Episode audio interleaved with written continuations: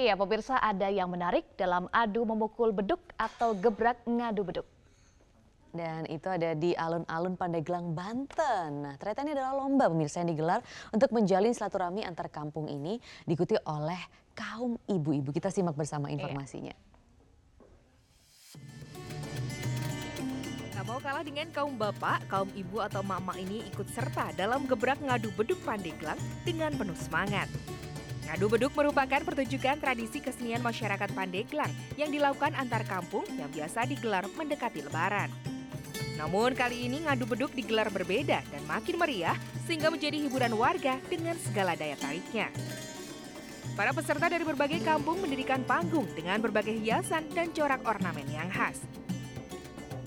Dalam tradisi ngadu beduk ini bukan suara beduk yang diadu, melainkan lagu-lagu tradisional yang dinyanyikan dengan iringan suara beduk seperti nantang yang dijawab dengan lagu Ting Ting Ting Brang, Gigi Brituma hingga Kalapasa Manggar. Muhammad Misna Wijaya, peserta dari Kampung Juhud mengatakan ia sangat antusias mengikuti gebrak ngadu beduk karena bisa menjalin kebersamaan. Setiap kampung yang di mana di kampung itu ada paguyuban, rampak beduk, semuanya antusias dalam mengikuti Sementara Siti Masrifah, peserta wanita dari Parung Sentul mengatakan ia sangat senang ikut serta gebrak ngadu beduk yang sudah lama hilang. Untuk tampil maksimal, ia bahkan bersama emak-emak lainnya berlatih hingga berjam-jam. Perasaannya senang karena udah lama juga kan di nggak ada yang begini. Jadi ada lagi di sini jadi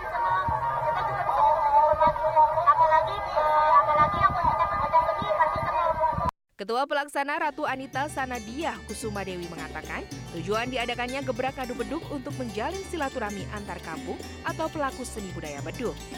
mudahan dengan adanya gebrak gaduk ini bisa ada kelanjutannya gitu. Dari tahun ke tahun bisa terus ada gebrak gaduk ini. Dengan diadakannya gebrak ngadu beduk ini, kesenian Kabupaten Pandeglang, Banten bisa terus dikenal dan terus berlanjut setiap tahunnya. Nah dari Pandeglang ya, kita akan bergeser ke Banten. Eh, Pandeglang Banten maksudnya kita bergeser ke Lamongan, Jawa Timur. Di sana ada ratusan warga yang berebut gunungan ketupat dalam rangka memperingati Hari Raya Ketupat. Iya, selain berebut gunungan ketupat, ratusan warga ini juga mengantri mendapatkan ketupat sayur yang dibagikan gratis kepada warga untuk ikut memeriahkan festival tahunan ini.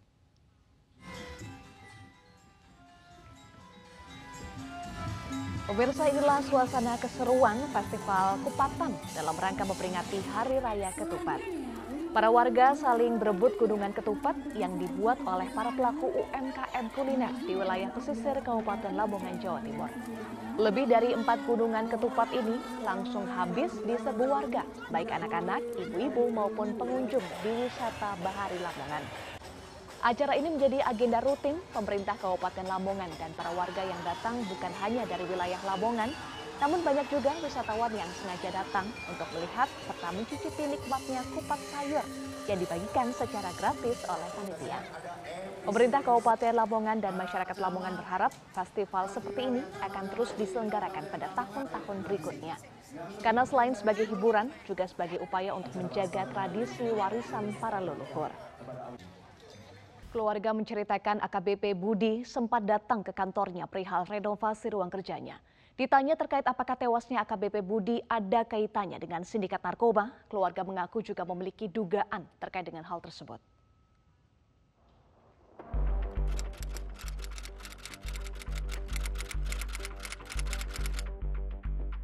Karena dari keluarga, di tengah-tengah keluarga dalam kehidupan keseharian adalah bahagia dan sejahtera. Yang kedua, dia tidak ada riwayat gangguan jiwa.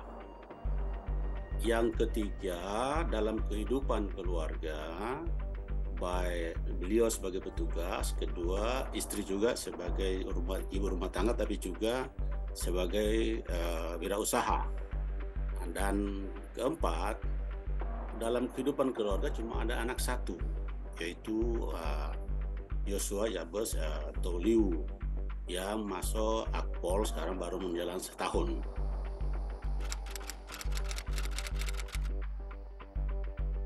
Bahwa dia berangkat dengan saudara dari rumah ke Polres Jakarta Timur.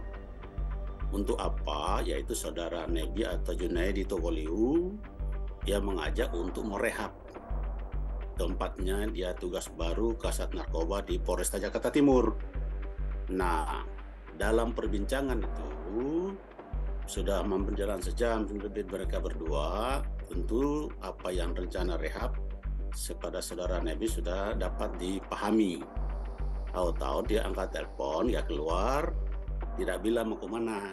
Nah, itu yang menjadi curigaan. Setelah keluar tersebut, tidak sampai sejam, maka saudara Nebi di dalam ruangan beliau, tahu-tahu ada anggota Polres Jakarta Timur, dia ketuk-ketuk pintu, bang bang, apa kejadian ini benar? Kejadian apa? Ini komandan ini, apanya komandan?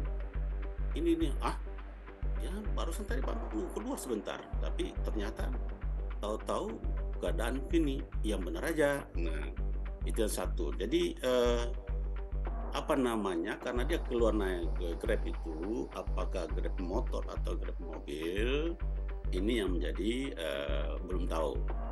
Kedua apakah di stasiun kereta eh, apa Jatinegara itu tidak ada CCTV atau apa?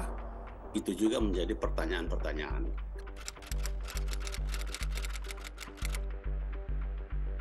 Karena tugas baru dia mau melangkah ini kan sangat sensitif tentunya kan uh, karena berhadapan tadi tugas baru ini yang menjadi uh, pertanyaan kita apalagi di Jakarta Timur Pak hmm.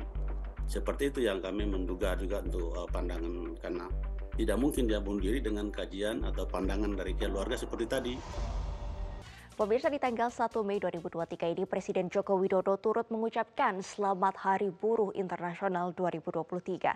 Dalam pernyataannya Presiden mengajak seluruh pemangku kepentingan untuk memanfaatkan momentum ini untuk terus memperluas kesempatan kerja, meningkatkan kesejahteraan buruh dan pekerja, melindungi hak buruh dan pekerja, serta meningkatkan produktivitas dan daya saing nasional.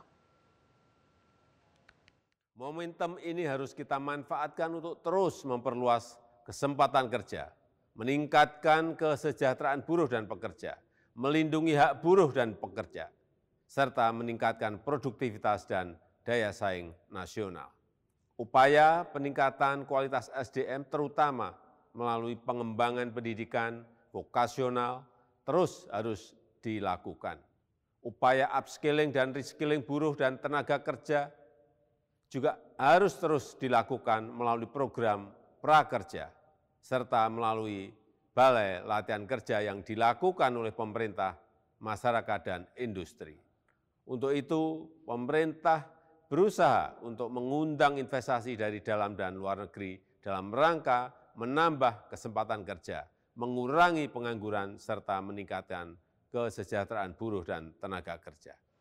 Dalam rangka memperingati Hari Buruh Internasional, ribuan masa berunjuk rasa untuk menyampaikan sejumlah tuntutan di beberapa titik di DKI Jakarta. Hari Buruh Internasional yang jatuh pada hari ini, 1 Mei 2023, beberapa uh, aksi unjuk rasa yang digelar pada hari ini, tepatnya di Jakarta, kini mulai dipadati oleh para demonstran yang tergabung dalam berbagai uh, organisasi serikat pekerja buruh dan juga serikat pekerja lain. Dapat, dapat kami informasikan bahwa pada saat hari ini sudah mulai dipadati di kawasan sekitar Patung Kuda Arjuna Wiwaha sejak pukul 9 lebih 35 waktu Indonesia Barat oleh para uh, partisipan yang tergabung dalam aksi Serikat Buruh dan juga Serikat Pekerja Indonesia yang akan rencananya melakukan unjuk rasa serta melakukan uh, penyampaian suara kepada pemerintah yang akan digelar sampai dengan siang hingga sore hari nanti. Informasi kami dapatkan bahwa juga dari pantauan kami sejak pagi hari tadi, beberapa uh, beberapa gabungan buruh sudah mulai datang seperti dari KSPSI, KSPN, FSPMI dan juga beberapa serikat pekerja lain yang sudah memadati dan saat ini sedang berjalan menuju kawasan Bundaran HI dan ada beberapa kawasan lain ini yang juga menjadi titik tujuan oleh para uh, masa yang akan menyuarakan suara mereka kepada pemerintah. Di informasi kami dapatkan seperti menuju kawasan Istora Senayan dan juga menuju kawasan Istana Kepresidenan Jakarta untuk melakukan penyampaian suara kepada pemerintah. Beberapa poin tuntutan yang kami dengar dari pantauan kami ini ada beberapa, di antaranya seperti pencabutan uh, Undang-Undang Cipta Kerja yang dinilai tidak pro kepada buruh, lalu ada juga pencabutan parliamentary threshold 4% yang di uh, sebutkan oleh beberapa masa dari tadi dari kami mendengarkan lalu juga pengesahan RUU pe, uh, perlindungan pekerja rumah tangga yang masih ditunggu oleh para masa uh, untuk kelanjutannya kepada pemerintah dan rencananya pencabutan pengesahan RUU ini akan terus disuarakan terutama di kawasan DPR nanti siang dan juga ada beberapa poin lain seperti adanya juga penghapusan outsourcing dan penolakan upah murah yang dinilai tidak pro kepada buruh.